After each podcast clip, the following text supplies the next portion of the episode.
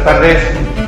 No va a ocurrir nada, pero vamos a esperar un momento a que venga la autoridad militar competente para disponer lo que tenga que ser y lo que él mismo diga a todos nosotros. Estén tranquilos, no sé si esto será cuestión de un cuarto de hora, 20 minutos, media hora, me imagino que no más que la autoridad que hay competente, militar por supuesto, será la que determine qué es lo que va a ocurrir.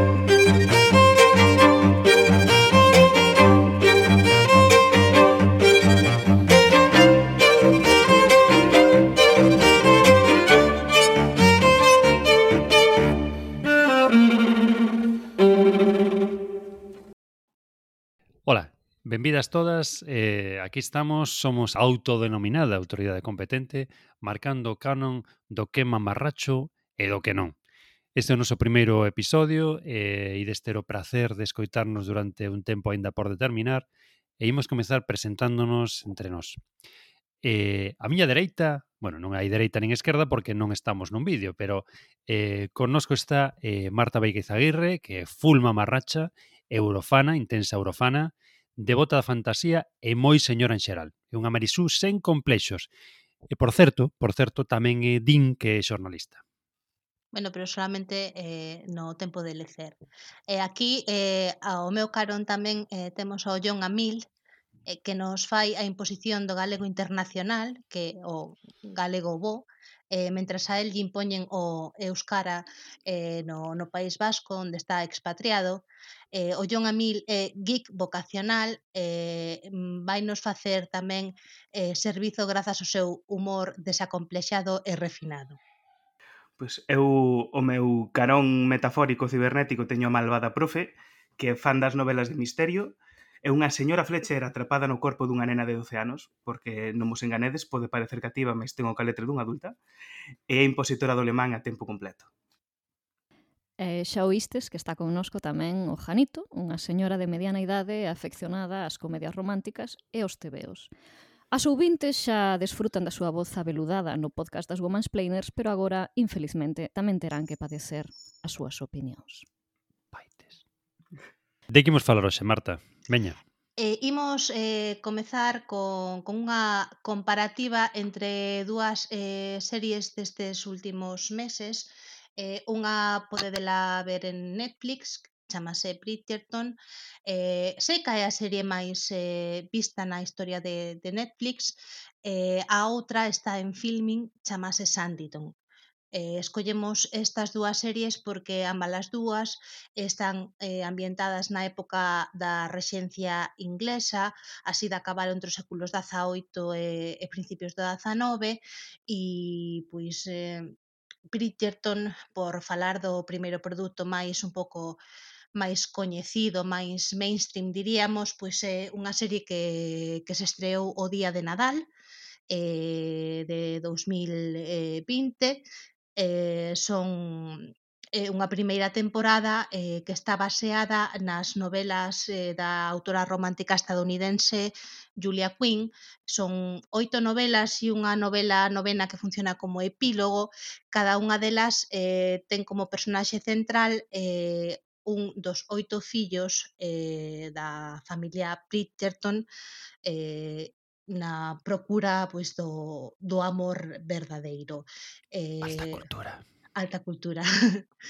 eh, polo que respecta eh, a, a serie, pois o que ten chamado a atención fundamentalmente pois é un pouco a posta en estea Eh, e a trama, os, a trama. A, a trama, a trama, por suposto, a trama, a trama moitísimo, pero esa aposta en estea a, a espectacularidade eh, e que é unha serie pois de, de Shonda Rhimes que que é unha das grandes eh, da, da televisión contemporánea. Eh, aquí a Malvada Profe pois, nos vai contar máis eh, polo miúdo eh, que é Sanditon. Sí, Sanditon é outra serie eh, que hoxe imos discutirse igualmente mamarracha un pouco máis ou un pouco menos, é unha produción da, da ITV, que é unha, bueno, unha canle británica que algún de, algunha de vos xa, xa coñeceredes se, se vos gustan as, eh, os, os dramas de históricos ou, bueno, en xeral así estas series onde levan vestidos de época.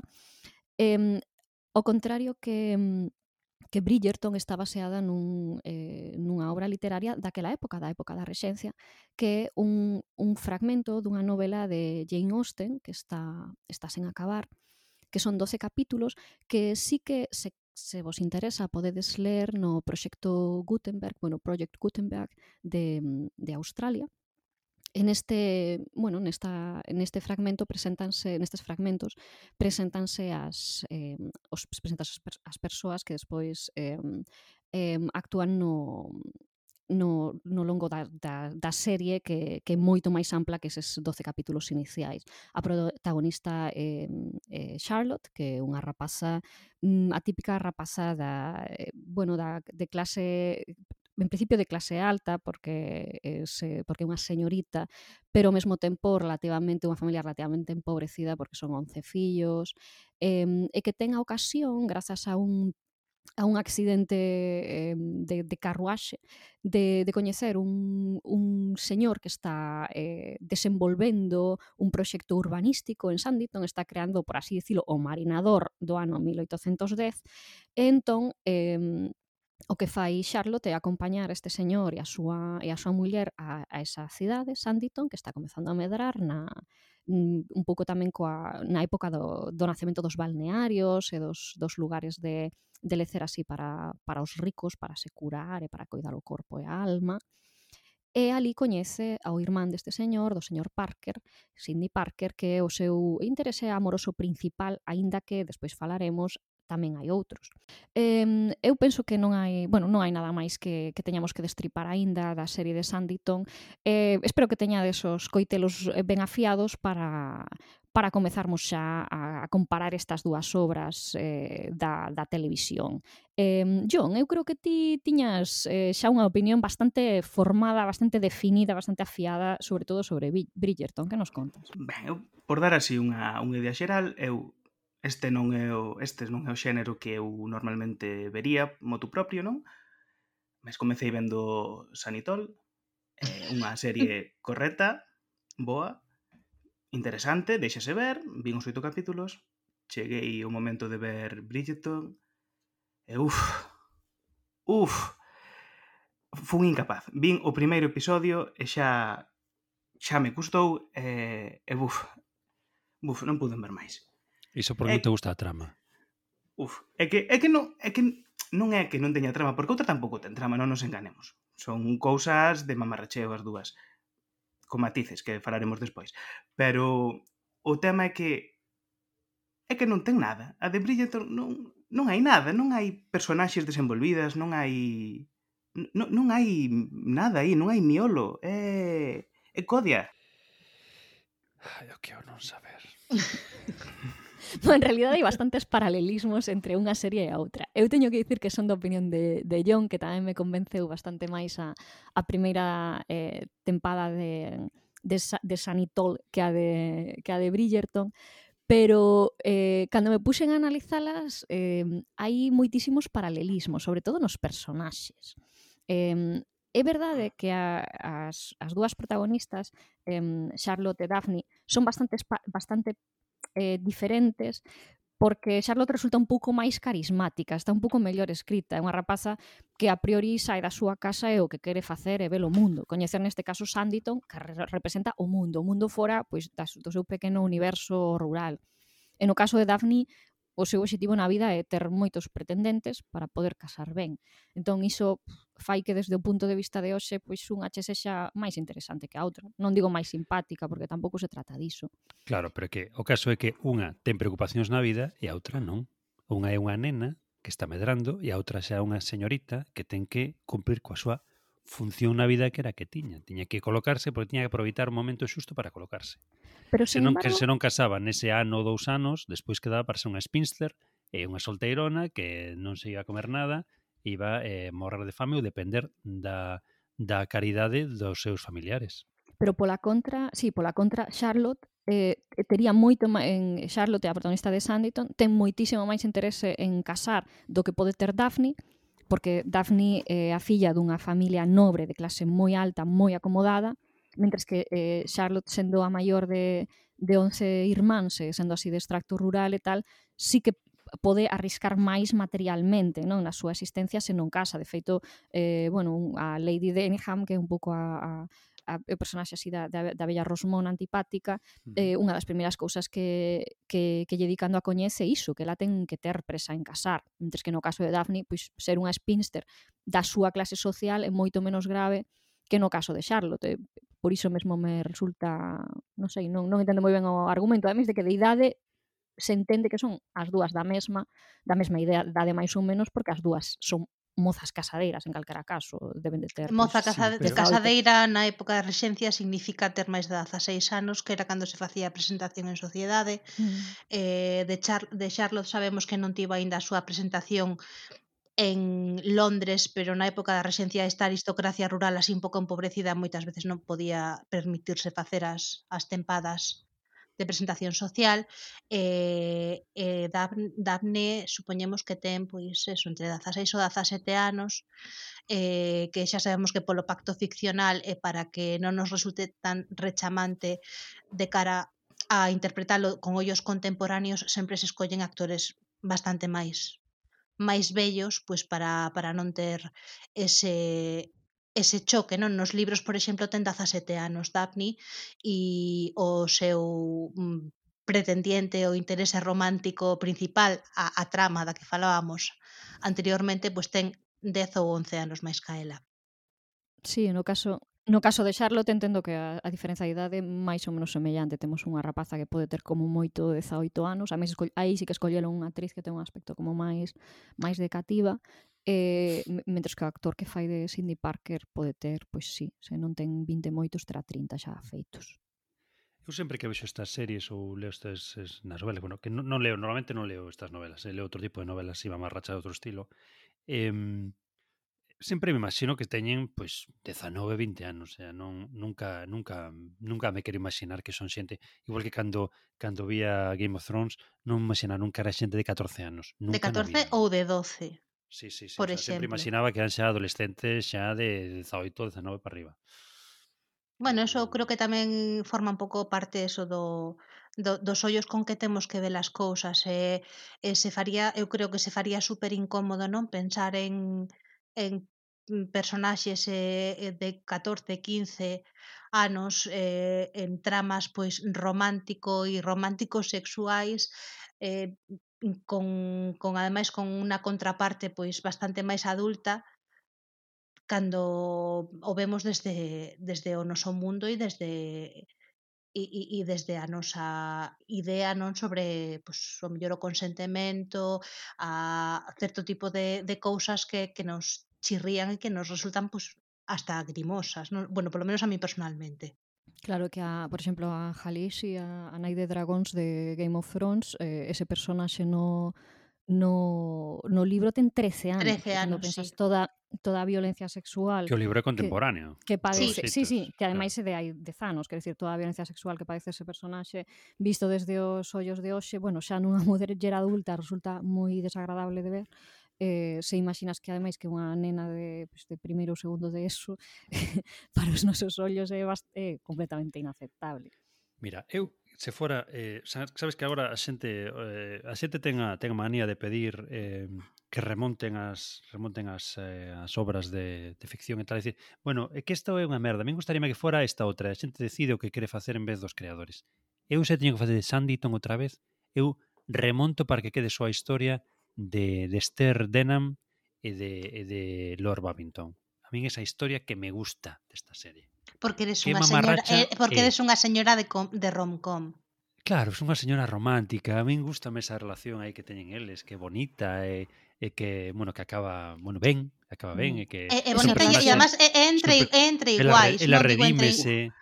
Claro, ela redímese, el, el eh, é moi bo, de corazón bo e tal, bueno, toda unha, toda unha trama Esa relación que nos ensina basicamente que se si unha muller che di que non, o único que tes que facer é insistir, e insistir, e insistir até que digas. No. Precisamente, iso, iso é que ia dicir eu agora mesmo. No, Grazas, John. Non, porque sí. ele insiste pero da, da, da distancia, porque estamos falando do século XIX.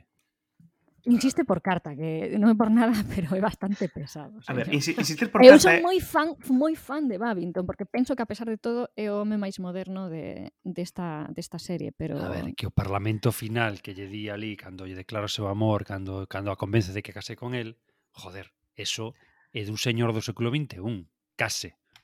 ¿no? Perdón, perdón, non, eu eu estou totalmente en desacordo. Aí aí ao final un diálogo en que el di que está enamorado dela e que a el non lle importa que ela non este del, porque con que ela goste del, el xa ten suficiente. E a min pareceme un exemplo fatal para unha relación. No, é o que quere facela feliz, que é o que lle di.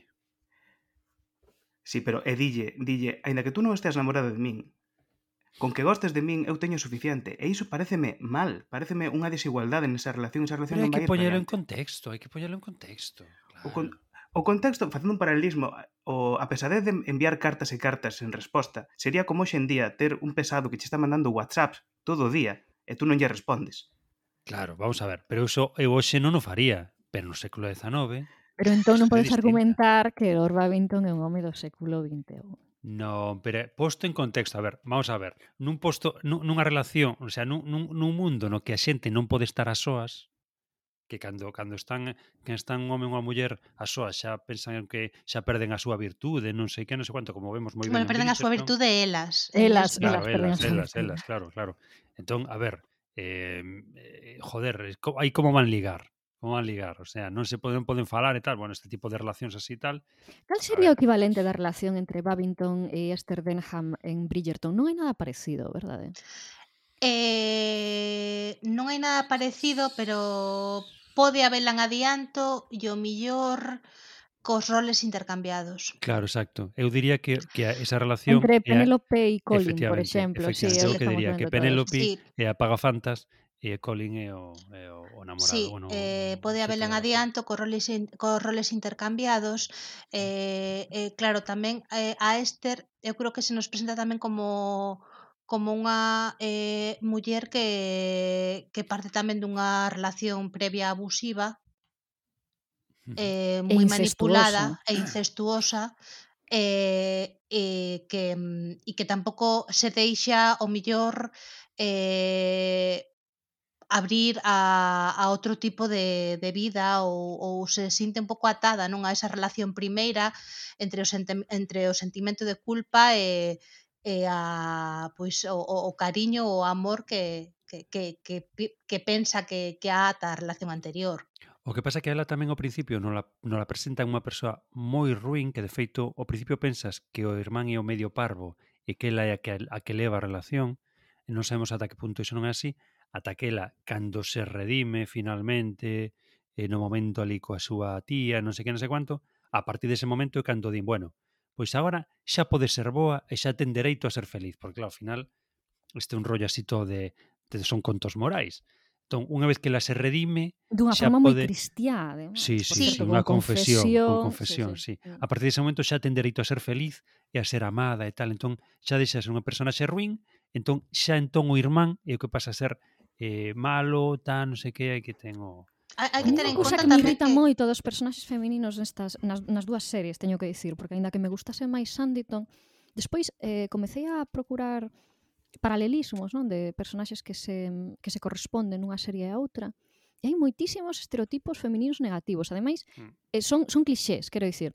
Temos por unha parte, eh, por exemplo, mm, antes falaba de Lady Denham, non? Que a, a, a bella Rosmona, que é xa Abella que é viúva, que ten que é unha señora que ten demasiado poder para ser unha muller na época, e que exerce ese poder dunha maneira déspota ou despiadada, que non ten coidado polo, polos sentimentos dos demais. Un equivalente podría ser a raíña ou tamén a propia, ás veces a propia Lady Danbury, ainda que... Eh, eh, eu, eu vexo a Lady Danbury máis aliada, eh? porque sí que sí. ten un carácter sí, máis moi, eh, máis sí. despiadado, pero é alguén que realmente resulta aliada nos personaxes que a trama nos vai situando como no lado dos vós. E eu a, a Lady Denham non a vexo nada aliada, vexo a máis un pouco na estela de personaxes ruís, despotas e malos, como por exemplo a Catherine de Bourgh de eh, Orgullo e Preconceito, uh -huh. eh, ou a sí, sí, sí. propia Lady Norris, non de eh, de mm, Mansfield Park, que son personaxes bastante terroríficos, eh, en, ver, malos, le, eh, le, moi antagonistas. Lei Danbury coa relación que ten co Duque. O sea, sí, o que a salve, aí, claro. Claro, o sea, xa non é que mm. a salve. A ver, que realmente é un pouco un pouco mm, rabudiña, pero tampouco é mala persoa. En ningún momento, pero son en ningún mulleres momento... que representan o sistema, é dicir, que representan un sistema opresivo ao final eh, eh, e son unhas de moitas, quero dicir. Eh, outro exemplo que son eh, serían a señora Griffiths e a señora Featherington como un pouco como guardiás da moralidade, pero se, que son pero, as, son as Karens da época. Sí, que, pero Lady esas... Danbury, de, bueno, eu creo que non aparece cola como guardián da moralidade, ao contrario, ela sempre é unha figura, primeiro, que defende defende o neno fronte ao seu pai, tamén é que lle abre, cando, cando ela casa é a que lle abre a porta a esta sociedade paralela de, de mulleres casada, casadas, Quer dicir, eh, eh, sí que sí que está aí manexando por detrás para emparellar o para emparellar o Duque, pero tamén podes velo como que non quere que el sexa infeliz. Porque el non ten ninguna necesidade de casar. O que pasa é que se queda na novela ou na, na, na serie, eh, presentan como que el vai ser infeliz se non ter parella, se, non, se vive só. Entón, ela, como, como figura materna del ou maternal, é a que queren parellalo, pois, bueno, si sí manipulando, pero, bueno, no fondo, nesta, nesta trama, o que está é eh, eh mm, sendo un abogado da súa felicidade. Pero cando falas de aliadas, eh, dicís, ela é unha aliada sobre todo do seu, pois este afiliados, que, se, que lle podemos mm. chamar de alguma maneira, sí, eh? claro, do protagonista masculino claro. que é o duque de Hastings, de Simon, Simon. Eh, pero Eu falo de, de que a mí me parecen, o sea, que os personaxes femininos me parecen terroríficos porque son malísimas as unhas coas outras. Pois quizáis Lady Danbury non era un bo exemplo, pero a Raíña sí que é un exemplo. Sí, a Raíña eh, sí é un, a Raíña sí. un exemplo que, que eu veía o paralelo con como... Lady Denham, non?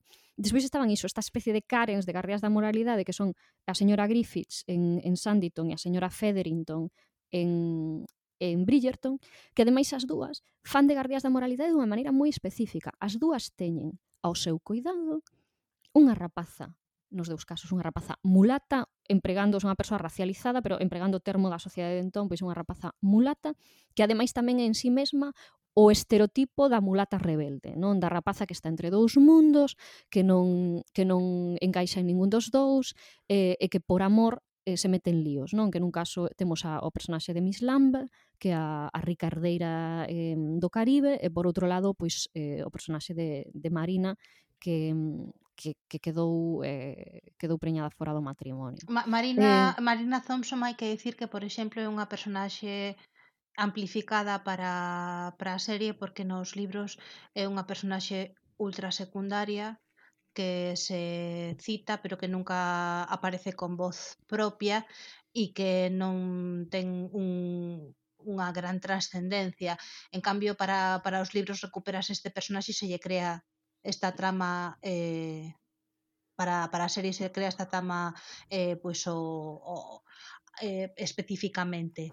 Eh, no caso tamén eh, falas de claro da, do, do tema mm, o tema eh, de, de non encaixar no caso de Bridgerton, por exemplo, Marina non é, o non encaixar é por proceder dunha contorna rural, Hmm. non por eh, polo asunto racial que, que sí que aparece en na Miss Lamp de, de Sanditon porque, bueno, xa falaremos un pouco máis adiante, pero sí. o asunto da diversidade no reparto da diversidade étnica e racial pois forma parte de un pacto de ficción que, que non presenta eh, durante o tempo, polo menos, de, de representación da serie, pois conflicto. Pero Marina non encaixa, bueno, eu non pensara no, no do rural, eu pensaba, Marina non encaixa porque unha rebelde, de feito, sí, manda eh, castigada, eh, castigada a Belgravia, eh, a casa duns eh, eh parentes ou amigos da familia, porque tivo unha aventura eh, cun rapaz e ademais resulta que, que, que quedou embarazada. Non? Pero que non eh, o saben inicialmente. Non o inicialmente non o saben, pero está castigada sabe, pola, para, para separalo desa, sí. desa parella que non, que non atopan, eh, Mira, que non lles parece eu... desexable. Mais estereotipos femininos negativos, é que está cheo, eh? por iso digo, creo, é terrorífico. Eu creo que o peor estereotipo serie... negativo é eh, Lady Cooper e a súa filla crecida Cooper, o, a rival a rival da, da protagonista polos afectos do, do duque primeiro, do príncipe despois, esa así que eh, non as pintan ben en case ningún momento, non son non son nada piadosos ou apiadosos con ela, vamos. Non, a Cowper é a, bueno, é a mean girl, non é a rapaza mala, a, a, a eh, un pouco a zorra do, do asunto. Eh, en gal, arroba en galego, como como podemos eh, chamala? Sen, sen cadela, eu chamaríalle cadela, que é unha traducción literal do bitch, ademais. The bad bitch.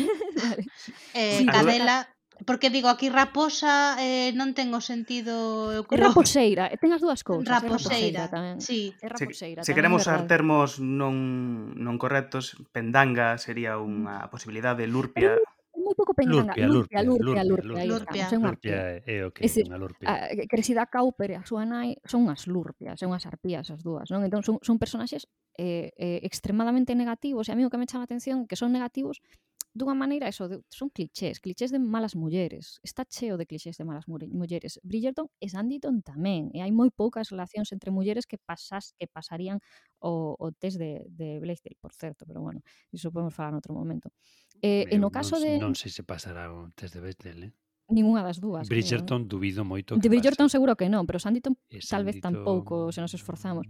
En mm. calquera caso, en, en, en Sanditon, por exemplo, eu creo que a diferenza é que eses personaxes femininos negativos que son até certo punto clixés teñen moita máis profundidade psicolóxica entón podes entendelos mellor por exemplo, no caso de Clara Brereton que podería ser eh, o, o equivalente a Cressida Cowper en, en Sanditon eh, tamén é unha revista tamén quere casar ben para, para ascender socialmente, etc.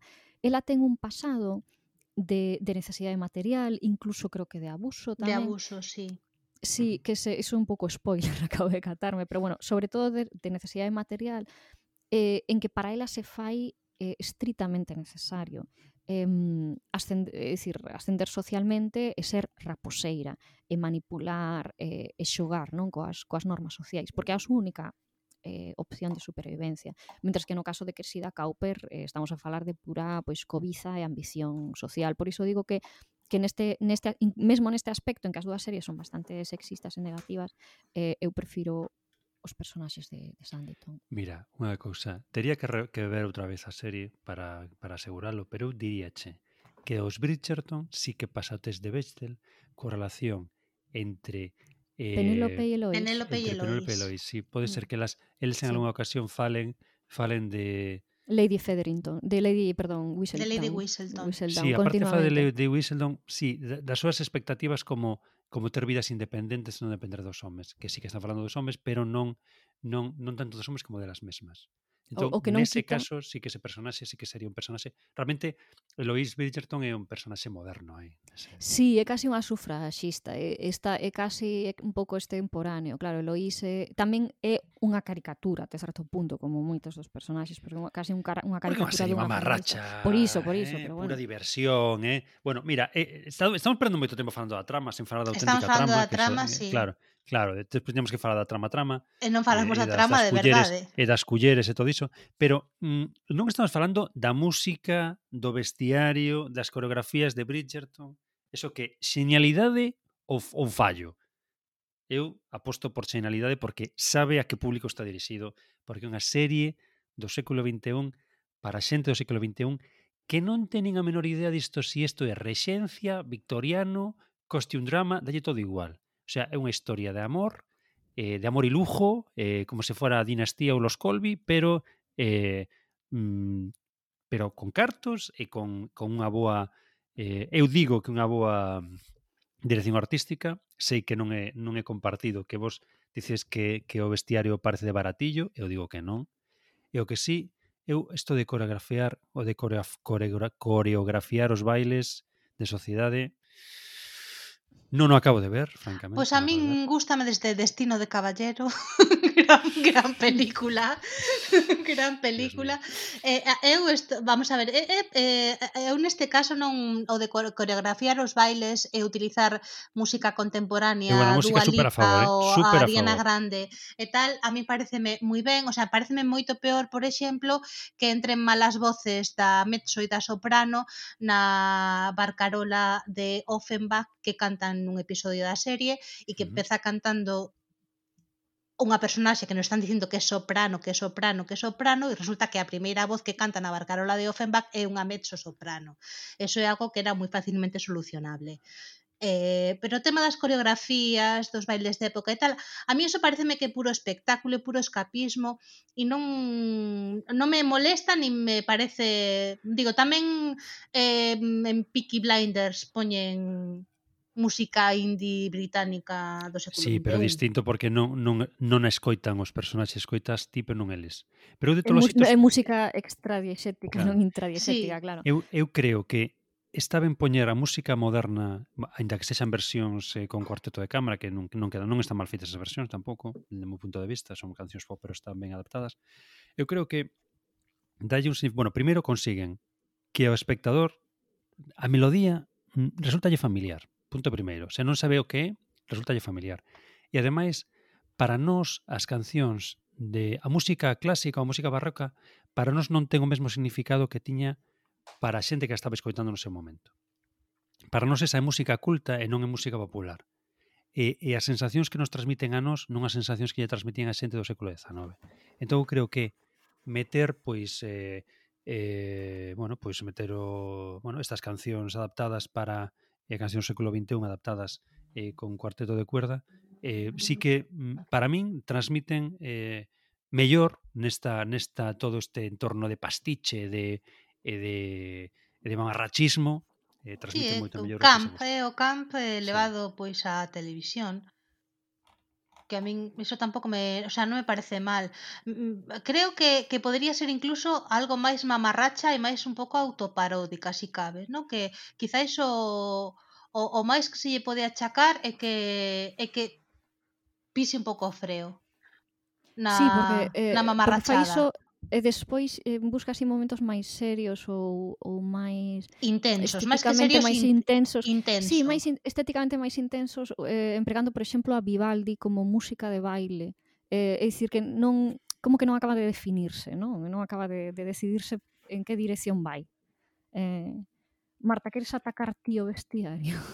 Eu o vestiario eh, mm, eh, falaba aquí eh, Janito pois de de mm, de dese traballo de, de, escapismo eh, eh, de, eh, de gran producción estamos falando de cinco meses de traballo un equipo de 240 persoas eh, que se crearon pois como 8.000 pezas entre prendas e complementos para esta primeira temporada da serie que eu creo que poucas producións audiovisuais hoxe en día, incluso películas de Hollywood, poden asumir un, un, un orzamento non de, deste tipo.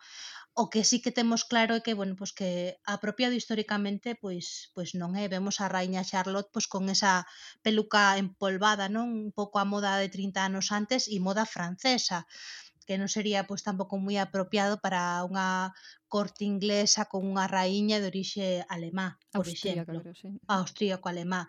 Eh, vai vestido un pouco como como Josefina Bonaparte, case.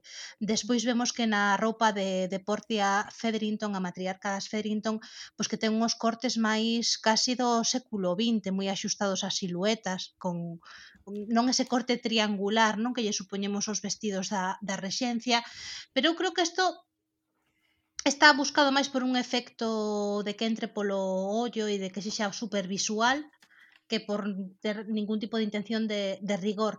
Tamén a min mmm, se me ten parecido un pouco o fondo do armario do duque de Hastings, non que vai moito polos veludos así en púrpura e morados e azules profundos e tal para para resaltar a trama eh, en este mm. caso, pois eh, lembrame un pouco a, a, a eses eh, eh, eses eh, peacocks que llevemos a, a Lord Byron eh, nos, eh, nos retratos, non de como de antes dirá Grecia, que bueno, eso sería si sería apropiado para para a época, por exemplo.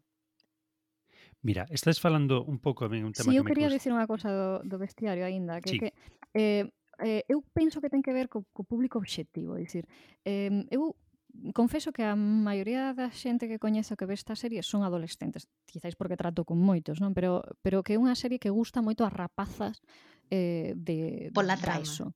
Pola trama, pero non só pola trama, eu penso que que eh, son xente que pasa un pouco sen solución de continuidade de ver eh, filmes Disney a ver eh, filmes de chamalle pois de época ou de, de mm. sí, con traxes de época como estes, mm. non? Entón, a min a min o que me lembran eh, estes bestiarios de Bridgerton son os filmes Disney de acción real. É dicir, eu estaba a ver, por exemplo, eh, todo o bestiario de, da señora Federington e das súas fillas, de Penélope e as outras, e eh, fanme pensar nas irmás de nas irmás da, da gata borralleira, da Cenicienta, eh, na versión de Disney de Acción Real que, que tamén se fixo pois, un reparto británico hai, non sei, uns cinco anos aproximadamente, non? eh, que a, a protagonista, non lembro o nome da actriz, pero bueno, esta que facía de Lady Rose en a curmadas das, protagonistas Lily James.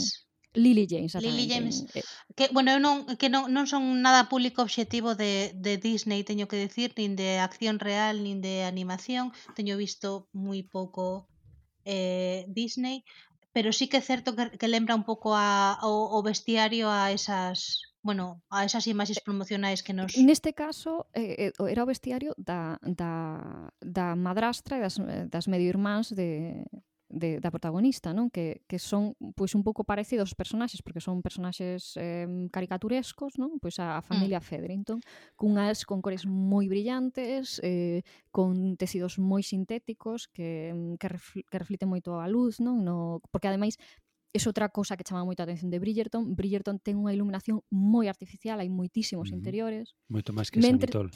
Claro, mentres que Sanditon eh, tira moito máis eh, sendo unha produción moito máis barata, tira moito máis de exteriores, que dan unha sensación natural. de, de, de autenticidade moi grande, e a nivel de vestiario eh, hai eh, é moito menos rechamante, pero posiblemente moito moito máis auténtico, porque o que se aprezan son moitos materiais naturais, moito algodón, moito liño, eh, unhas cores moito menos a moito menos brillantes. A dirección artística de Sanditon é boísima. É boísima. Sí, sí, e incluso a iluminación Boi se pensades nos bailes... Eh... O que eh, pasa é que o obxectivo tamén é distinto dunha produción e da outra. Claro, o obxectivo é distinto. Pero unha cosa que a min é que o da, o da eh, iluminación un momento en que me chama moitísimo a atención. De feito, hai un elemento da trama, un, un, un incendio nun determinado momento, que ten que ver con esta con que alguén está a facer algo eh, a, a luz dunha, dunha, creo que dunha candea ou dun candil. Eh, entre tanto hai unha mentre, entre mentres hai un hai un baile e a xente está bailando a luz das candeas e dos candís, non? E iso dá unha autenticidade, dá unha, ten unha cor que, que resulta, resulta todo como moi natural, non? E a min iso gustame moito de Sanditon, entón, é dicir, eh, aínda volvín ver, pois, iso algún capítulo últimamente, reparei en cousas en que non reparara, e unha era esa, aínda que é verdade que, que o, o asunto dos, dos traxes é moito máis coherente. Temos ese corte, bueno, eh, o típico da rexencia, o corte imperio que chamamos hoxendía, non? Coa eh, a cintura xusto por debaixo do peito, os vestidos eh, con forma de triángulo, eh, ou incluso sombreiros, é todo moi é todo moi coherente, non temos eh, perrucas, nin incluso as maquillaxes, que teóricamente non había maquillaxe aquela época, pois son maquillaxes moi naturais para que non chamen a atención, etc. Sí, mira, unha cosa que quería comentar que é totalmente distinta. É eh? cando falabades antes de que se parecía que se estaba conténdose o eh, que non era todo a mamarracha que podía ser a serie. Hai unha historia que, a pesar de que dos os Bridgerton, realmente o produtor é Chris Van Dusen, que non é non directamente Xonda, aínda que, de, bueno, isto non o sabía entre hai pouco, en, vendo cousas sobre para preparar o, o episodio de hoxe.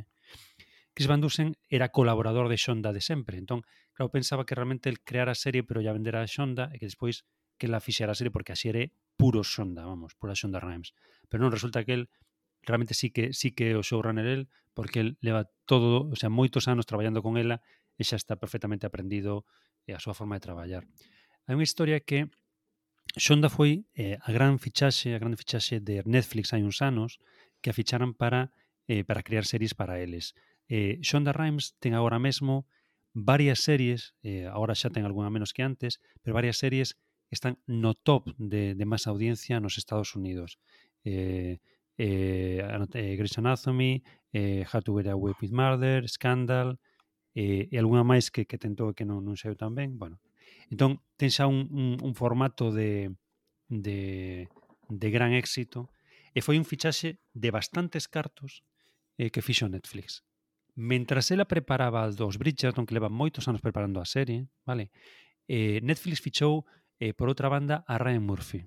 Ryan Murphy tamén é unha gran estrela do, do mm, da televisión, da televisión americana, eh, é o autor de The Glee, é autor de American Horror History, e eh, hasta de Post tamén. Pero eh, Ryan Murphy o que fixo foi empezar a sacar series así a, a cacholón. O sea, empezou a sacar series e saca de todo. O sea, Ryan Murphy, aparte que fai moitos moitos xéneros distintos, fai xéneros que, fai series que son moi distintas unhas da outras e moi irregulares. Entón eu eh, escoitar o comentario, e é certo, dolle toda a razón a esta xente que comentaba, que Xonda non podía permitirse non ter un éxito. Porque a pesar de que unha muller que ten un estatus eh, de moi importante nos Estados Unidos, teno tamén, o sea, a pesar de ela ser unha muller, ser negra, porque, o sea, si sí, negra, porque ten moitísimo éxito. Entón, no momento en que ela teña un fracaso eh, e perda cartos Netflix con ela, é posible que perda este estatus. Eh, e Ray Murphy, a pesar de que é un homosexual, isto xa sabemos que non agora mesmo un impedimento no, bueno, xa agora por sorte non non un impedimento para para estar para ter estar ben considerado no no no establishment do do bueno, de Hollywood en xeral. Non sei que opinades sobre isto. Se queres opinar, digo. Home, eh, eu... eu bueno, eh, mm. que tira John. Non, fala, fala, fala porque eu ia mudar un poquinho de tema, entón fala, fala. Nada, eh, eu penso que, que Ryan Murphy eh, ademais presenta un pouco esa versión un pouco do capitalismo rosa, non? Máis máis uh -huh. clara, incluso a, a xenda, os temas que, que meten nas, nas súas series eh, pues están bastante en consonancia con, con esta quizáis esta mm, vertente un pouco máis eh, home, ten mm, outras como como Pous un pouco distintas, pero pero tanto en Glee, mm, por exemplo, que entra bastante eh, o a xenda dos mm, en favor dos ventres de aluguer. Eh, certo tipo de, de, de temas e, eh, e, eh, eh, eh e demais eh, un tipo de ideoloxía bastante bastante bastante hexemónica, penso que, que creo que xa pouca a produción de Ryan Murphy é, e subversiva. En cambio, Xonda, con todo popular que é e con tal, sí que eu creo que un pouco máis un pouco máis eh, diverxente neste sentido. É a miña opinión. Eu quería aproveitar que, que o Janito mencionaba así de maneira tangencial a homosexualidade para, fa, para falar un pouco da representatividade ou falta dela do colectivo LGBT, LGBT nestas, nestas dúas series. Estou a pensar, por exemplo, en, en Sanditon, na serie de Sanditon, que estou a pensar no personaxe de que non me sai o nome de como se chamaba o irmán o irmán Parker, o Arthur, sí, o... Arthur, Arthur Parker. Parker. Sí, sí. Arthur Parker interpretado magistralmente polo streamer Ibellanos. son cuspidiños. Eh. Son, son iguais, cuspidiños, son sí. Iguais. Sí, sí. Pois pues aí, o sea, nunha serie en que non hai representatividade LGBT, vexo un pouquiño aí o queer coding ne, no final unha conversa que ten coa irmá, mm. onde a irmá ten medo de que el case cun cunha, cunha, cunha algunha muller e que, e que, se, e que se afaste dela. E el di que non, que el non está interesado niso e que vai ser solteirón toda a vida. E iso sí que vexo quizá veladamente un queer coding, non? un, unha maneira de deixar cair como que podería ser homosexual e que esa sería a razón. E non sei na serie de Bridgerton... En Bridgerton hai un queerbaiting sí, sí. moi claro. Sí. Hai un queerbaiting moi claro. Hai, hai un momento no que un dos personaxes, claro, é que ti como abandonaches, abandonaches a serie, está abandonaches a serie, non chegaches ao miolo do, do... No, hai un momento en que un eh, expresamente parte fala, bueno, hai un personaxe que que non sabemos se si é homosexual ou bisexual, bisexual está casado. Parece, ¿no? Sí, está casado, ten unha relación aberta coa súa, coa súa muller, e, e, ten, e ta, está namorado dun home. E fala de que el xoga a vida cada día, eh, literalmente, porque claro, nese momento aínda era delicto eh, a homosexualidade no, no Reino Unido, e que, bueno, por estar co seu, co seu namorado e que, e que ollarse, tiñan que ollarse con discreción cando estaban en público, e mesmo para sorrir tiñan que primeiro eh, fixarse en que ninguén os estivera vendo para eles e tal e cual. Entón, sí que está máis representado, pero bueno, é lóxico que está máis representado en aínda que bueno, aínda que Sanditon ao final só só ten apuntada apuntada o que se vai facer co coa novela de de, de Jane Austen, eh, bueno, pois eh, Bridger aos Bridgerton é unha serie absolutamente feita de cero agora mesmo, entón sería absurdo que non estivera representada a homosexualidade na miña opinión. Bueno, a, a, eh, feita de cero e baseada tamén en, en novelas que son contemporáneas. Ah, perdón, é certo, sí, sí, perdón. Sí, Digo claro. que temos esas, eh, esas, esas dúas vertentes que, bueno, de todas formas está explotado máis o tema queer en na, na serie que nas que nas novelas. As novelas eu creo que son aínda máis máis a min, desde pacatas. O punto de vista sexual eh, o que máis me chama atención e máis, eh, eso sí que fun escudar, asegurarme que estivese nas novelas e sí que está, é o tema do sexo non consentido eh, na, na serie de na serie de Bridgerton. Eh, un momento que a mí me resulta me resultou moi violento de presenciar porque ademais eh, en xeral as, as escenas de violencia sexual non me gustan pero cando son ambiguas gustanme aínda menos. Eh, e hai que dicir que polos, por motivos obvios estamos moito menos eh, afeitas a, a ver eh, escenas de violencia sexual sobre homes que sobre mulleres. Entón hai un momento en que a protagonista eh, a terceiro punto abusa sexualmente do, do que é xa o seu marido porque el non a quere deixar embarazada eh, ela sí que quere eh, non respetando os seus desexos eh, fai porque ele xacule dentro dela sabendo que el non desexa facelo. Entón, eh, bueno, fai pues, con, con movimento, colocase en riba del, e eh, obriga de certa, en certa maneira a, a exacular dentro dela, non? Para, porque quere quedar embarazada. Esa, esa escena resultoume violentísima de ver e quixen verse nos, en as novelas aparecía da mesma maneira.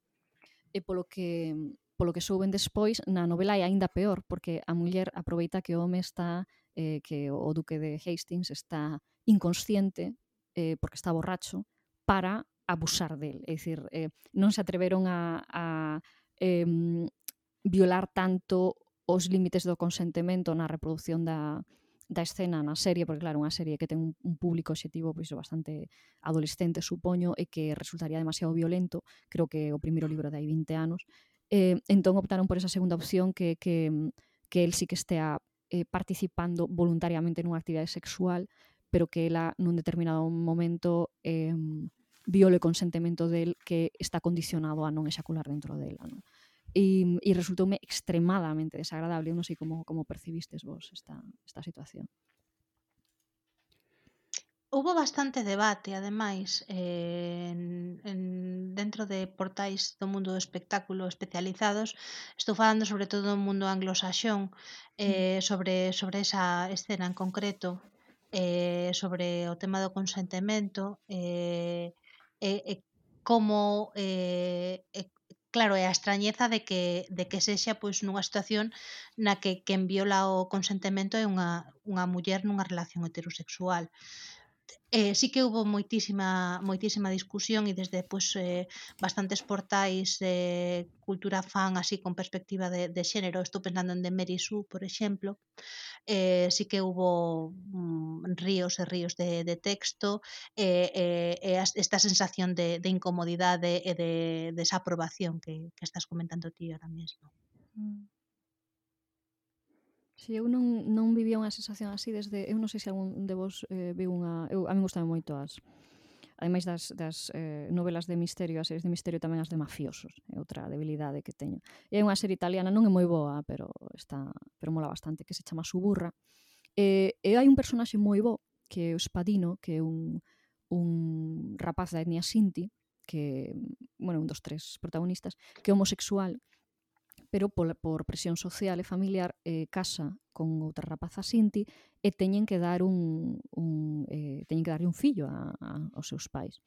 Entón, eh, eh, aínda que el non quere, eh, ela acaba máis ou menos convencendo para ter sexo, é dicir, el mm, acéptatelo, é dicir, resígnase a telo porque ten que deixar embarazado, pero a, a escena é terrorífica porque ademais eh, está nun plano fixo en que ela está en riba del e el claramente está pasando mal por ter que, que facelo con ela. Unha escena iso non sei se é exactamente unha violación porque el di que sí, é dicir, el acepta, pero que obviamente non o está disfrutando e que está pasando mal e é moi moi angustiosa.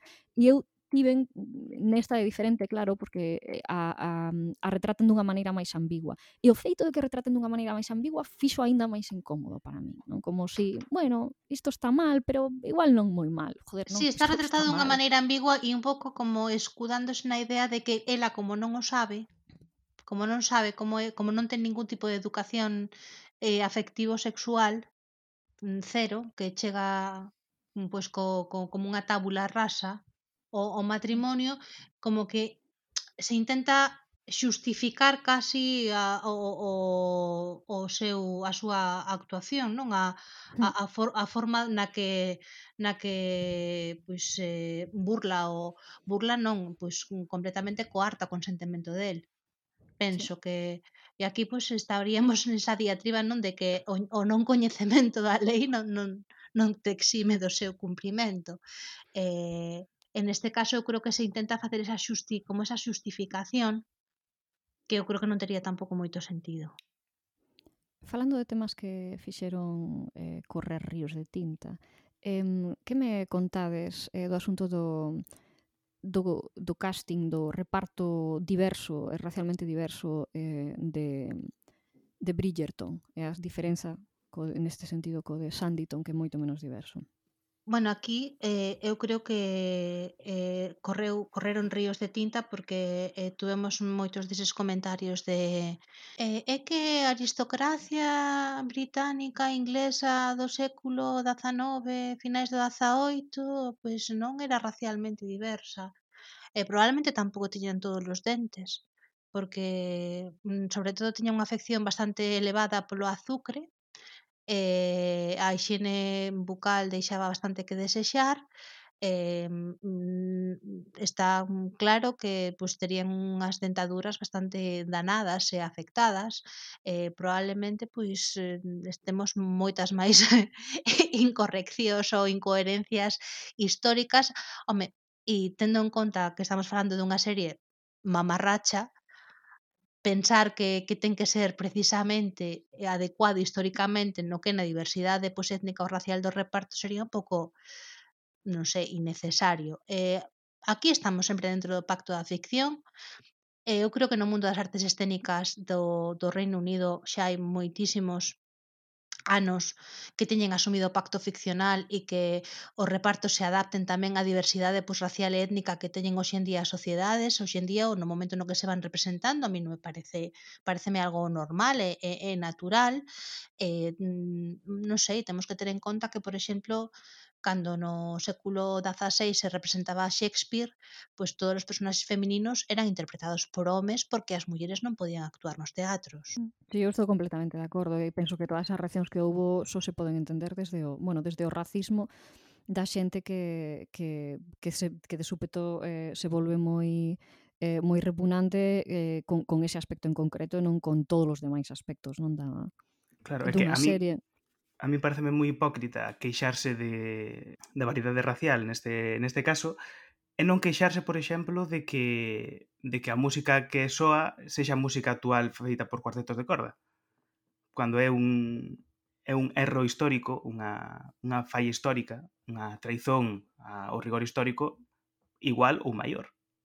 En xeral toda a fala, quer dizer, to, eh, a fala en, en Bridgerton é completamente moderna, non fan nin sequera un esforzo por ser coherentes no, no uso do, das formas de cortesía. Ay, está, estáme lembrando un pouco a, a aquela adaptación de, de La Celestina con Juan Diego Boto e, e Penélope, Cruz, Penélope Cruz, que lles faltaba decir jo tía, me libe a tía eh, pouco máis, non?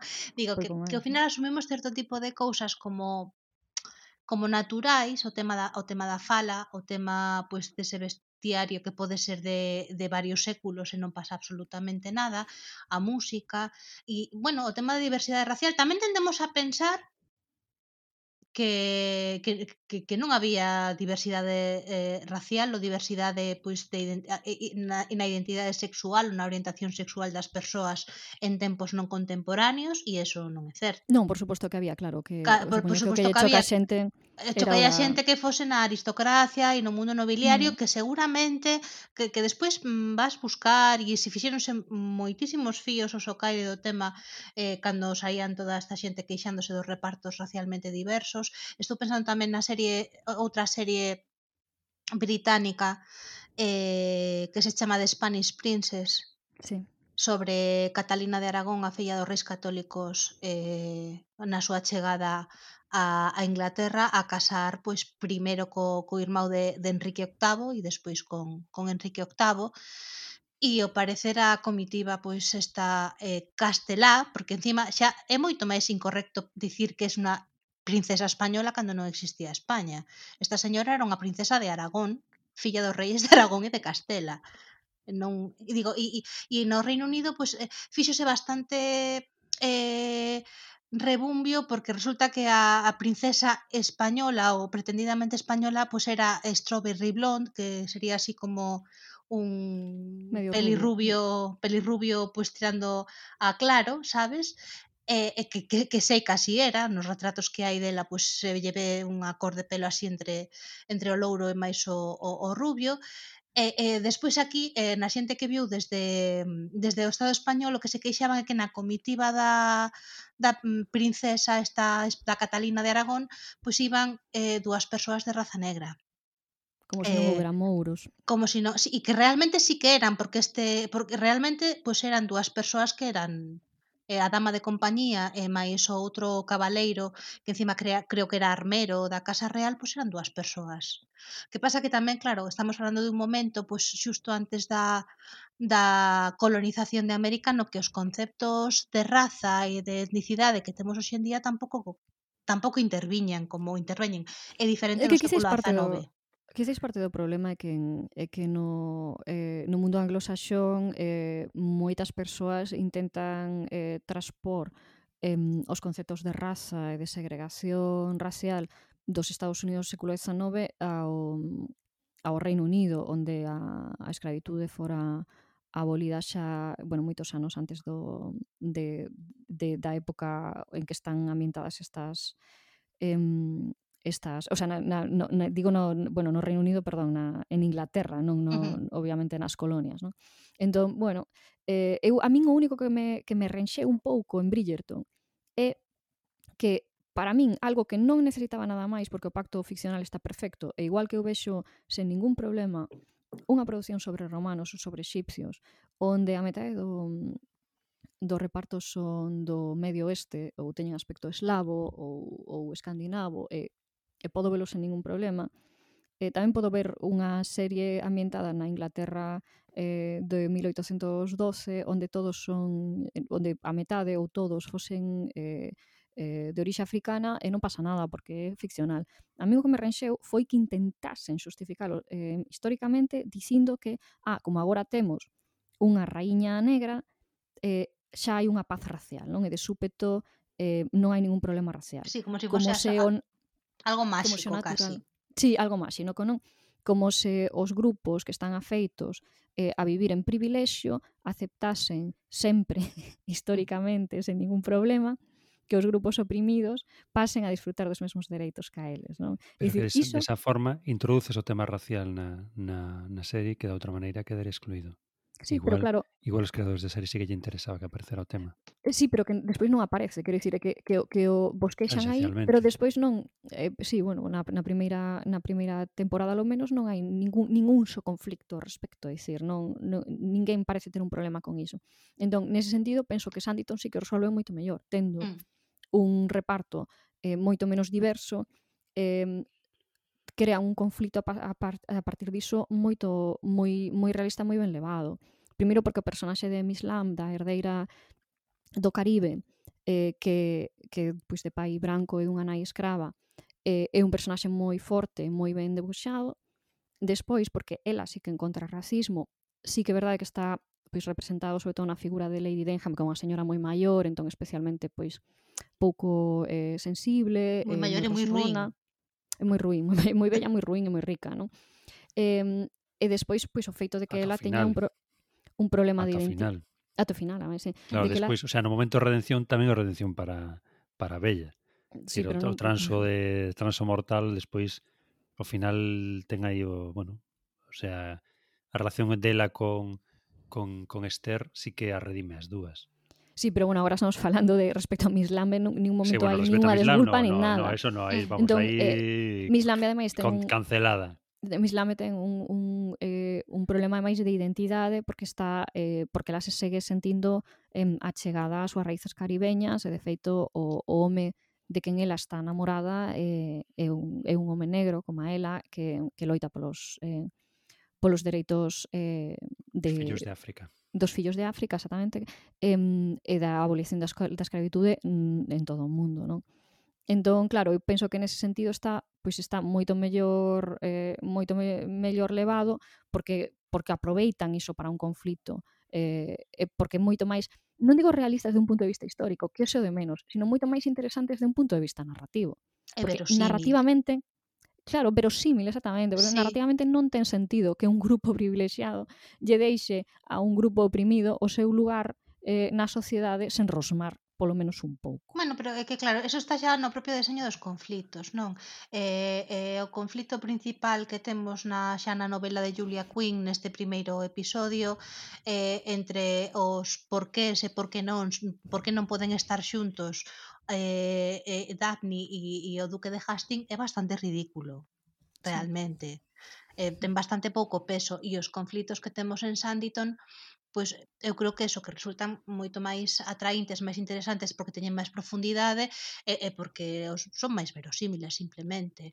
eh, esta idea, esta idea ademais da mm, do conflito racial, eh, temos que ter en conta que a propia Jane Austen a autora deses doce primeiros capítulos, pois eh, era unha abolicionista da, da escravitude pois, bastante convencida.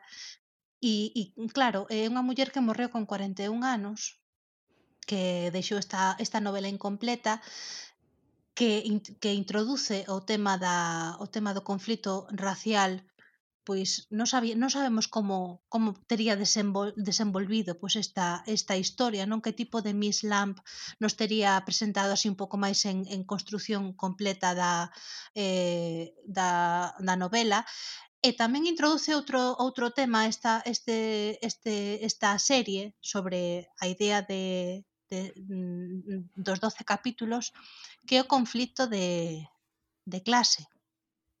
Exactamente, sí porque a construción que, que en de, de unha cidade está, en Bridgerton está prácticamente ausente. Sí. Temos un conflito de, de clase, temos unha, unha cidade facéndose de novo, temos unha clase traballadora tamén pois eh, pelexando polos seus si, remexéndose, digo, estamos falando de unha época entre o, o, o ludismo e o cartismo no, na Inglaterra eh, eh, da, da rexencia, non? que, que ses, pois, eses, eses inicios, eses, eh, esas previas do, do movimento obreiro tamén, eh, e, eh, eh, claro, pois pues dá un pouco isto para especular que tipo de, de autora tería sido eh, Jane Austen, pois un pouco máis desenvolvido ese ese sí, mundo que estes personaxes non estaban no bosquexo de, de Jane Austen, no. dicir, estes todos eh, eh, todos os, o Stringer, no? o, o bello uh -huh. novo Stringer eh, que son canteiros non están na, na non novela, están na novela original. E está moi ben feito, porque se te fixas, eles non están retratados ni sequera aínda como clase traballadora. No. Eh, non son un proletariado porque eles son aínda eh, os artesáns. Sí, son dos... artesáns, sí, a clase, a clase sí, dos artesáns. gremios. Exactamente, eles son, eles son eh, pues un colectivo gremial, pero que aínda así están, bueno, a, a loitar por, eh, bueno, por, por as súas condicións económicas e dos seus traballadores que son, pois, poden ser un pouco así un protoproletariado nunha cidade que está comezando a, a crearse. A O Andrew sí. Davis, que o, o, o creador desta, desta serie a partir, dice que, el, que el xa había neses 12 capítulos pues ese, esa idea pues, da, da nova clase social emerxente e que, que quixo precisamente crear estes, estes personaxes pois para, para darlle un sentido nese, nese momento. E, bueno, pois sí que ten coherencia non co, co propio discorrer pois eh, histórico nese momento no, no en Inglaterra que pois que anticipou tamén un pouco a revolución industrial en toda Europa e no e no mundo desenvolvido. Eh, e claro, eu creo que tamén hai a, a diferencia un pouco está entre entre a propia profundidade que teñen que teñen os, os personaxes e, e as tramas. Eu, eu creo que hai un pouco o tema aquí, a diferencia que un pouco ten entre entre Bridgerton e Sanditon, é un pouco o tratamento que se dá sempre dende, dende Estados Unidos as ficcións que ocorren históricamente no Reino Unido. É o que falabas antes da, das... Falaba, comentaba antes a Malvada Profe, das ficcións de, de Disney, eh, eu creo que os eh, E como eh, comentamos outro día tamén eh, preparando isto, pero falamos sobre sobre a serie de Royals. eh, en da que Royals, non sei, non lembro agora se si británica ou non. Non, é estadounidense, é eh, estadounidense, estadounidense a serie. Tamén, sí. sí. O sea, eu esta esta mm, este concepto que teñen nos Estados Unidos sobre que é o Reino Unido, non? Este isto que está baseado todo entre un pouco mesturado entre entre o Ola e o que son a, as pelis da Disney. Que decir, eh, os Bridgerton eh, ese mundo visto dende o Reino Unido e en cambio, perdón, dende, dende Estados Unidos, en cambio Sanditon é unha ficción, pois, é ficción pura e dura, pero ao mesmo tempo tenta reflectir o que, aínda que tamén costume drama, tenta tenta ser un pouco máis, un pelín máis eh, axustado que a realidade a realidade. Parte é como eh, cando falaban de cando comentaban en Downtown Abbey que lles quedaban que tamén está feita desde Estados Unidos. Porque mm. Julian Fellows é estadounidense. Xa, pero bueno, pero é unha produción da ITV. Sí, pero entón, digo claro, que o distinto. creador é un señor estadounidense fascinado coa aristocracia británica. Xa, xa, sí, pero a ver, eh, o sea, a ITV eh, que fixo, por parte, eu, para min, o referente de Downton Abbey eh, é eh, eh, Up and Down, o sea, é o mesmo, pero en vez de facer unha cidade, é feito no campo. É exactamente o mesmo, é Eh, e eh, a aristocracia e, a, e, a, e os seus e o, o servizo e, o piso arriba, o piso de abaixo, exactamente igual. E aparte, é un momento histórico eu creo que un pelín anterior, porque ao final eh, Downton Abbey sí que se prolonga moito coas tempas prolongase moito no tempo, pero empeza un pelín antes do que empeza Up and Down. E, e de feito, eh, eh, a ITV, que a canle onde parece Downton Abbey, e a herdeira da London Weekend Television que desaparece para que creen para crear a, a ITV eh, que onde a, a London Weekend Television onde estaba Up and Down pero bueno, que iba que, mm, que cando, cando en Downton Abbey eh, había eh, a xente eh, mm, comentaba moitísimo no Reino Unido o, o, o, o grado de exactitude eh, que había na que había na, na produción. De feito, hai un hai un creo que era nunha imaxe promocional quedara unha botella de plástico de unha botella de auga de plástico e quedara en, un cadro unha fotografía e fora comentadísimo. Fora comentadísimo. A ver, evidentemente, iso non pode pasar un fallo, un fallo enorme, pero pero que ese tipo de, de, de cousas creo que cos Bridgerton non pasa. É como Emily in Paris que non non ten nada que ver porque non é unha serie non é unha serie histórica, pero ese é o grado de exactitude que se busca nos Estados Unidos. O que aquí o que estamos é centrándonos en contar a historia que nos apetece imos poñela no sitio que nos apetece, iso como cando, cando no século XIX, no século XVIII, escribían eh, cousas situadas en escenarios eh, teóricamente reais, pero na práctica non coñecían de nada e absolutamente inventados. Non? O Shakespeare yeah. directo, todo sí. Shakespeare directo. Claro, entón isto é exactamente o mesmo. É dicir, os Bridgerton é unha serie de época, non, non é unha serie de época, é unha serie de traxes. Entón, dá exactamente igual ser acertar, non acertar, os conflictos son os nosos, non son os deles.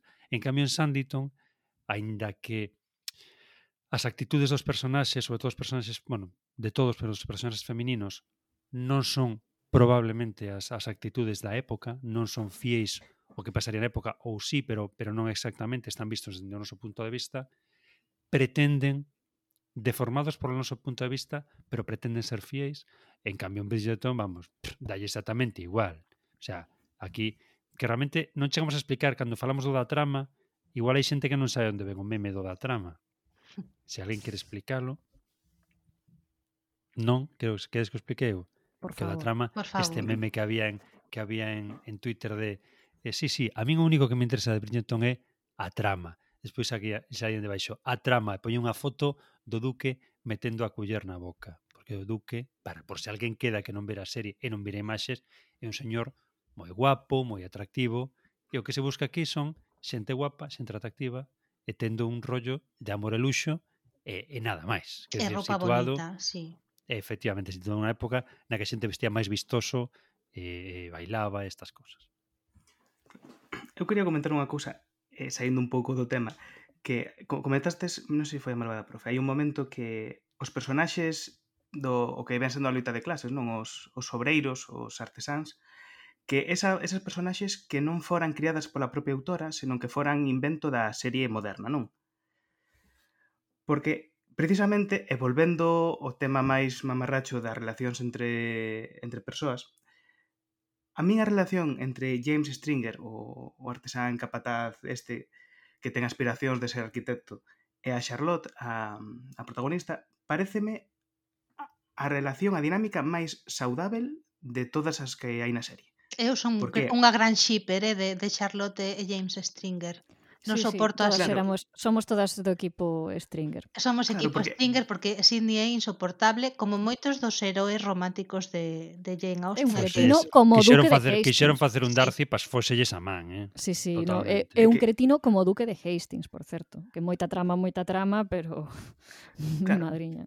Por iso que precisamente non entendo como Sidney, que é unha persoa, un cretino que que fai, que fai chorar en dúas ocasións.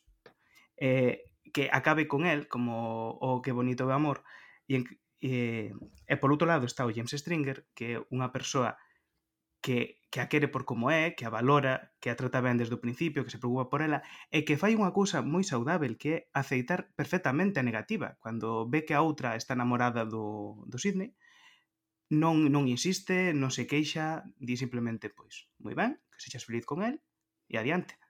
Que unha cousa moi, moi saudável que vexo aquí.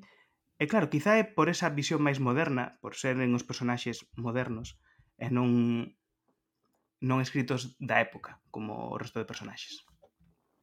Eh... Sí, é, é fácil que che caia mellor un personaxe que está escrito por alguén no século XXI que alguén que está escrito por alguén no século XIX, pero en calquera caso os dous eh, personaxes, quero dicir, eh, o, o Mr. Parker estaba apenas bosquexado na, nos capítulos iniciais da, da novela. En calquera caso, da igual que sexan modernos ou antigos, eh, o namoramento ou o amor así, é dicir, o amor non, nunca é conveniente, o amor non é algo que poidas traballar e merecer, o amor afinal é algo que como moito podes aceptar eh, como acepta, por exemplo, Esther eh, ou acepta Lord Babington, pero non, quer dizer, non Bueno, non pero, en, eh, falar... pero, eh, pero en, en Austin sí que hai moito el tema, o tema do, do merecemento, que ti tens que facer un comportamento moral para merecer certo tipo de cousas. E, e, e, e sí que non sei, eu a verdade que o... o... Pero adoitan ser as mulleres as que sí. esforzos, curiosamente. Por sí. Os sacrificios, etc. Bueno, pero é un rollo, é un rollo enemies to lovers, quero dicir. A ver, é un sí. tropo tipiquísimo tamén. Sí, decir, do, do fanfiction. Que se pasa para mí para es mí bastante, sí, pasame sí. de poñelo gilipollas. Pero bueno, vamos. pero mm. Enemies, Enemies to Lovers eh, eh, empezou, bueno, creo que temos a idea de, de orgullo e preconceito, non? Como primeir, primeiro mm, Enemies mm, to sí, Lovers. Sí. Pero é que a min o, o Cindy, non sei se me cae aínda peor que Darcy, que Darcy xa nunca sí, me sí, caeu sí, moi sí, ben. Sí. E me a parece ver. un tipo bastante prepotente Mira, e canceladísimo. Pre precisamente, precisamente Andrew Davis é o creador da serie, da serie de, de Orgullo e Preconceito que é a serie do ano 80 e tanto, 90 e tanto, 90 e tantos, 90 e pico, mm. que realmente eh, para min é a mellor adaptación audiovisual mm. desa serie, desa dese desa novela. Eu teño que dicir que son máis de son máis de film. Matthew McFadden que de Colin Firth. Nah, que va, que va, que va. Sí. Nin idea, nin idea. Bueno, feito, non comentamos moito que outro día que, que non viras a de mm, a serie de Lost, Lost in Austin, que é unha serie na que na que unha, unha fan de Jane Austen máxicamente se ve transportada dentro do non dentro da época da esencia, sino directamente dentro da novela de, de, de Orgullo e Preconceito, pero realmente non se ve transportada dentro da novela, sino que está transportada dentro da serie do 90 e pico. Ajá. Porque aparece aparece a escena do, de do, Colin Firth saindo das augas. Colin, efectivamente, da porque esa, esa, esa escena está creada especificamente na serie e xa é canon. Esa xa é canon. Bueno, é canon é repetida cantas veces. Sí, sí, sí. No, e aparte, aparte bueno, o sea, eh, o diario de Bridger Jones eh, o personaxe de, de Colin Firth chamase Darcy, Darcy porque é Darcy, claro. E de feito, cando fixeron o casting, foi o mellor casting, o sea, non pode, no, eu creo que non podes outra persoa, vamos. Bueno, e ademais a contraparte é Hugh Grant que tamén eh, eh, sale noutra na adaptación de, de sentido e sensibilidade. Uh como o interese romántico de Emma Thompson. Digo que tamén Mira. outro héroe austiniano. Mira, falaba John, falaba John de mm, de como se chama o o, o capataz eh, James Stringer. James Stringer. James Stringer, sí. James Stringer eh, é tamén outro, outro tropo que aparece como aparece, por exemplo, en Pretty Pink, que é o típico eh, o amigo o amigo namorado pero que a, a, a protagonista ignora porque está obnubilada cegada. Por, sí, obnubilada cegada por, por outro interese, por outro rapaz máis máis atractivo. Que o que dependendo do, do, do típica que sexa a narración, pois o acaba acaba descubrindo, o sea, que hai dúas variacións, unha na que acaba conseguindo o chico que realmente lle gusta ao principio, o rapaz inte, guapísimo eh, e, e super e super popular porque ela, ela mesma o, o quarterback como, como do equipo de fútbol do instituto. E, efectivamente, ao final ela mm. resulta que quita os lentes e resulta que era Miss Universo. Mm. E hai outra historia, outro outro xiro que é cando ela descubre que o quarterback é auténticamente gilipollas e, e mira para o mozo, outra para o para o amiguete, o fondo é tamén é super guapo, tamén quita os lentes e é super guapo, non? Entón esta, estas múltiples variacións O que pasa que James que tamén... Stringer é guapo con lentes e sin lentes É que, aí. Eh, bueno, que vai dicir non hai lentes sí, sí, pero claro, ver, neste caso claro. eu creo que a Stringer xa desde o principio em, a, a narración é moi ambigua e non é obvio que vai acabar con Cindy Parker porque a Stringer o, o mm, colocan cun actor especialmente atractivo é un personaxe moi ben escrito, uh -huh. nada pailán, que ambicioso e que se mm. fan unha segunda tempada, como parece que sí que van facer, eh, segundo anunciaron este mes, eh, esperamos todos que apareza Stringer eh, a ser Sí, aquí, aquí as, as gafas de Stringer pues sería a súa clase, a clase social. social. Claro, mm. claro. Que bueno, que é a parte que falabas do, do, do, dos artesáns el quere cambiar de gremio. Mm. Porque aí sí que, eh, aínda que son son traballadores manuais e tal, aí aínda supoño que estarían, aínda que xa non estamos na época, na época medieval de gremios, el realmente quere cambiar de clase social, quere cambiar de gremio. Quer decir, quere ser arquitecto, deixar de ser deixar de ser Mason, ainda que sexa capataz, da igual. Sí, ¿no? pasar a esa burguesía un pouco claro, claro. Eh, a revista sí. do, sí, do tempo a, tamén. Bueno, sí, porque como canteiro é un ao final é un pequeno burgués a certo sí. punto, pero ver, quere pasar todos a ser... Todos na sí, segunda tempada, se realmente a fan, a ver, é que ten que entrar de todas todas porque la teñen que ter entretida mentras outro mentras outro eh, Bueno, non sei se no queremos facer moito Mentras, spoiler. mentras no outro fai as súas cousas, podes claro, mentras, mentras outro está, mentras arranxa, outro está entendendo que ten que atender, eh, a ver, el, ela ten que estar entretida tamén. Bueno, o spoiler que acabamos de facer é que a tempada non acaba cos protagonistas xuntos, o que é moi interesante. Certo. O que non fixemos foi spoiler das Bridge, do Bridger, dos Bridgerton, que só oh. hai un spoiler, que quen é eh, Lady... Lady Whistledown. Lady Whistledown. Whistledown, sí. Whistledown, sí efectivamente non o dixemos que opinades de, de que persona? Eu volvín ver, volvín ver a serie a, a, a bueno, vin a mitad dos episodios vinos a 1,5x eh, porque non me dá tempo a acabar, bueno, xa vira, eh? Xa vira antes a un, a un X, vin as súas series a un X e volvinas ver para, para gravar isto porque eu son unha persoa que ten unha, unha memoria deleznable. Eh, volvinas ver así un poquinho a de, a de filming, a aplicación de filming, señores de filming, tomen nota disto non permite velas a 1,5x nin a 2x porque está pensada para ver as cousas e non vai facer mamarrachadas. En cambio, a de Netflix agora permite, non me preguntes por que ver a 1,5x, que unha, unha cousa que nunca entendín, hai anos estaba de moda, cando, cando a xente vía moitas series descargando todo isto, vería series a 2x. O sea, eu ver as series para marcar tics de que biches unha serie e vela a 2x, O sea, entendo só única e exclusivamente si son ficcións absolutamente lentas e o que descubrín, o que descubrín vendo eh, Bridgerton a, a 1,5x é que o Duque eh, non fala é tan un ritmo guapo. normal, ah. Falaba un ritmo normal a 1,5x, porque un señor que fala super lento. e con voz super grave como de Batman. moi interesante. Entón, claro, poñéndolo así un poquinho máis rápido, tic, afinabas un pouco a voz. E viña, entonces, entonces, xa, ritmo, entonces xa, xa, non lambe o culler tampouco así con esa intensidade a Bueno, a eh, podes, podes baixarlle o ritmo se queres, eh? vais poñerlo a, a 0,75x se queres cando chego da culler. Non, pero... Eh, e non sei que me... Ah, bueno, sí. Eh, eh, vendo, vendo outra vez a serie, claro, preocupáronse moito de que fora encaixa coa trama, quero decir, a persoa que é non hai ningún tipo de inconsistencia, eh, no que no que escribe e no que en quen é, que decir, encaixa en todos os momentos, o sea, non, non se lles escapou pois que non estaba, non podía saber esta cousa e eh, escribiu ou que escribiu e non podía tal, non sei que, sí que está, hai un momento, de feito, de cateime de que hai certa cousa sobre a que non escribe porque eh, non podía ter coñecemento do que porque non estaba. do que do que está exacto, sí, sí. E no, neste caso, ademais, eh, por exemplo, nas, nas novelas non se revela hasta a cuarta novela. Uh -huh. eh, a identidade de Lady Whistledown.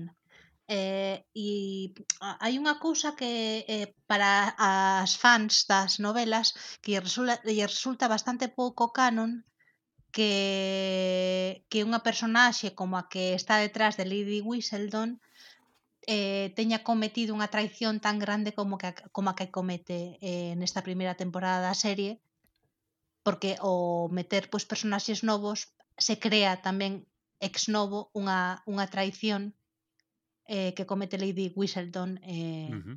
na, na serie sí, e que bastante sí. traición a mí pareceme de ser bastante mm, cadela tamén bastante. Sí, a ver, eh, bastante pero de todos os xeitos, claro, está, eh, eh, faino porque para evitar outra cousa, claro. Xa, pero bueno, para evitar outra cousa, pero poñer en coñecemento algo dunha persoa desta Unha cousa, forma... vos sabíades, vos sospeitabades quen, quen era a Lady Whistler? Eu estaba bastante despistado. Porque eu, eu creo que comentara contigo, non, Janito? Que, que estaba a ver a serie e dixen, eu tiña unha teoría sobre quen era e acertei, pero acertei por un xogo de palabras non sei se vos decatades, que funciona en inglés, claro. Sen facer spoilers. Hai, hai, vamos a ver, hai, hai, eu creo que hai unha cousa que dá un pouco pista eh, que ten que ver co nome dela. co nome dela, sí. Claro, sí. O nome da verdadeira Lady Whistledown. Sí, sí, sí, entón cataste de que che falo. Claro, pensei que era ela por iso, e eh, cadrabame a certo punto. Sí, sí, pero... co nome, co nome dela. Pero hai pouco hai pouco decorum no sí.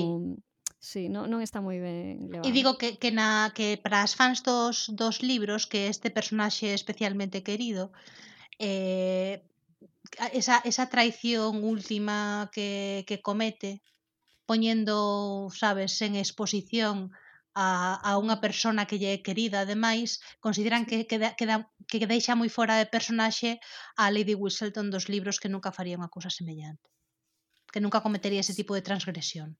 É mesmo, de todos os xeitos, a lei de Whistledown da serie. Claro, que, de todos os xeitos, ela o fai, claro, pero de todas as formas, ela o fai eh, para evitar eh, unha traición maiores. tamén, no fondo, sí. claro.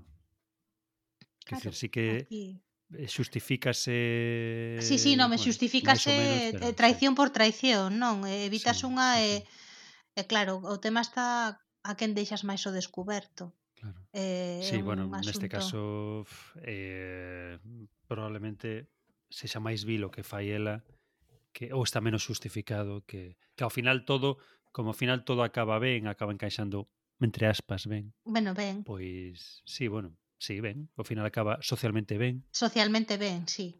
Sí. Pois claro que, que realmente eh, o que aquí todo estaba evitándose tamén era algo socialmente, nada sí, máis. Sí, sí, sí, no? unha mm, eh, Eu non teño ni idea do que estamos falando agora mesmo. No, esto, bueno, Porque pero evita, nin a, no. a un evita un, 5X, evita un, evita sí, un pero... matrimonio sen amor, que é unha cosa irresoluble, eh, entón, Evitan bueno, un, ma un matrimonio sin amor por outro matrimonio sin amor, realmente. Sí, sí pero, bueno. pero pero bueno, que un, do, claro. un dos, pero, pero que outro un matrimonio por honra, pero, pero sí. que está xustificado socialmente, é dicir que que sí. a, a a persoa máis afectada en realidad lle dá igual un caso que outro e e ela evita males maiores, porque ademais é que se non quedamos dos libros posteriores, se non se evita uh -huh. mantenimento. E o, o que me extraña é eh... iso que, que nos libros é unha revelación da, do cuarto libro e que aquí xa o temos revelado na primeira tempada que non sei Tedes ganas de ver as seguintes temporadas de, Ai, eu sí, de, porque eu son de... full mamarracha. Vamos a ver, eu enganchome as cousas e teño que saber o que pasa. Aínda que sexa visto eso en, en, en, en, en por 2x para enterarme das, das trangalladas Esta é a pero... pregunta de agora. Que, que, que subtramas te apetece ver desenvoltas nas seguintes nas seguintes eh, temporadas? Porque a mí, por exemplo, me apetece ver eh, o que, bueno, prestaríame saber que o que acontece con con Eloise, por exemplo, non? Sí, sí, Eloise, claro. Eloise, eh, Eloise, eh, Eloise unha feminazi aí, Penelope. Unha fe, eh, feminazi Eloise Penelope que nos libros teño que decirvos que son o cuarto e o máis o quinto. Mm. Que temos que primeiro están Anthony porque no, porque os nomes dos Bridgerton van por orde alfabética. Uh. É verdade, sí, sí que os. We have a family tradition. Sí. E temos, pero temos primeiro Anthony e despois Benedict. Mm. Que son, bueno, en fin, é o eso que tampouco... Indistinguíveis. Son, son indistinguíveis os, os tres, o, o máis pequeno Gregory porque é un neno de 11 ou 12 anos, entonces, bueno, pues tal.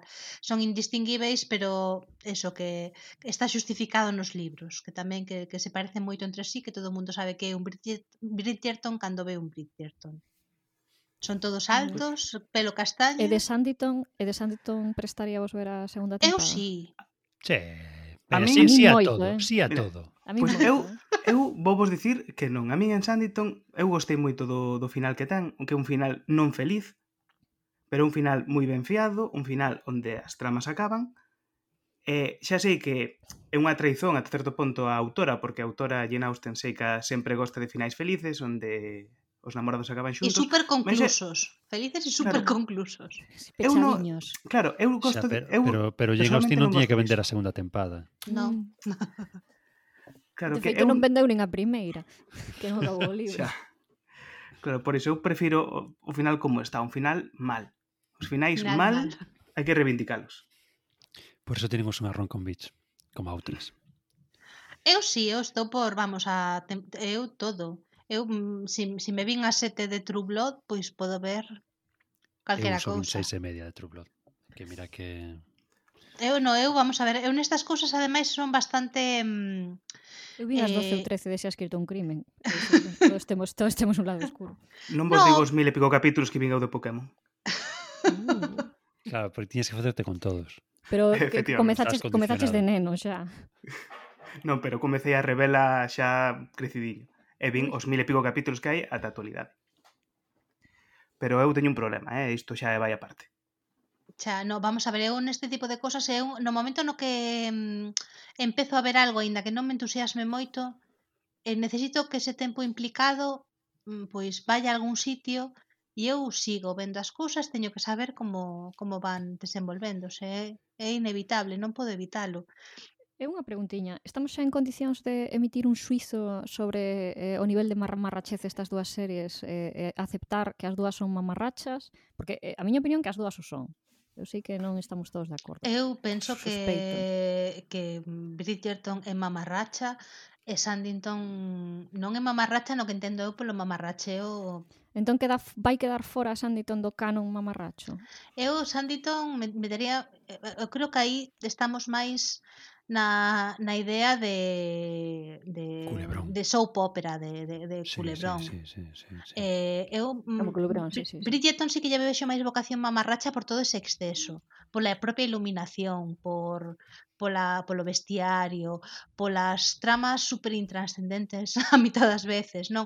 Ese kitsch, ese camp, eh, esa, é máis unha gala eh, do, do Met que, eh, que, que, que outras cousas. Casi nos, eh, sabes, eh, intentamos eh, facernos a idea de que os conflitos nos interesan para seguir vendo, pero realmente eh, ao final da serie eh, aquí as tres que vimos a, hasta o final da serie John aínda tes oportunidade realmente importanos algo o que lles pase o Duque de Hastings e máis a Daphne?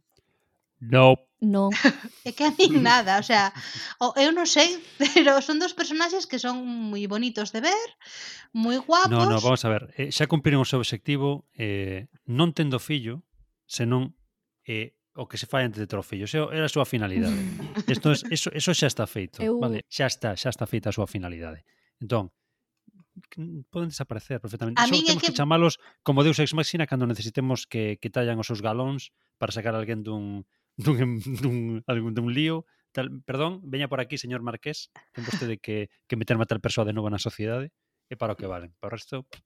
É que realmente a min son dos personaxes que real me interesaron O sea, interésame ver todo o produto final, pois por eso, polo, polo mamarracheo puro, pero eles dous como como personaxes trazados a min o, non sei se ten que ver co como están escritos, co mellor tampouco son os millores actores de, de todo o reparto, eles dous, pero a min realmente me deixan un pouco tibia, mm, fora do guapos eu, que poidan ser.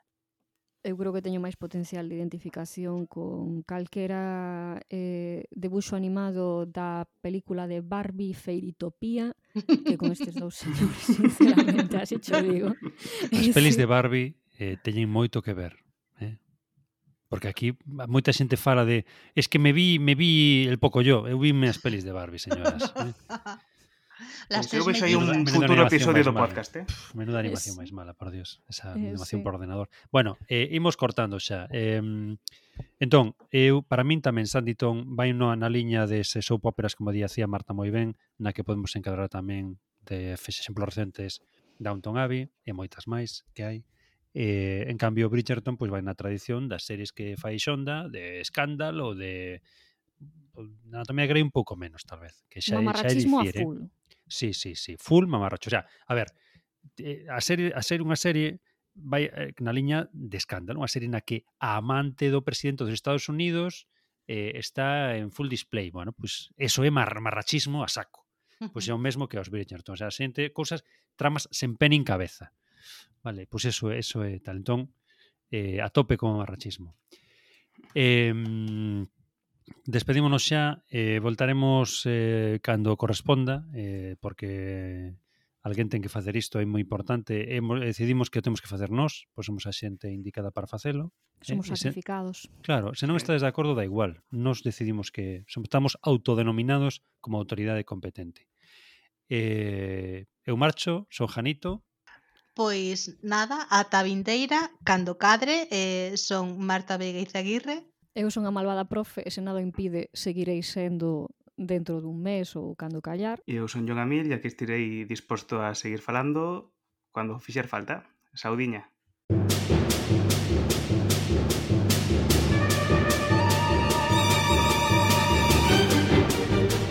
desde primeiro día de emisión como consecuencia da lóxica necesidade de asustar os nosos medios técnicos. Volveremos a estar con vostede a partir das 9 da mañá e o noso primeiro espacio será neste día a transmisión da solemne misa e ofrenda ao apóstolo Santiago. Gracias pola atención prestada e que teñan un feliz descanso. Boas noites.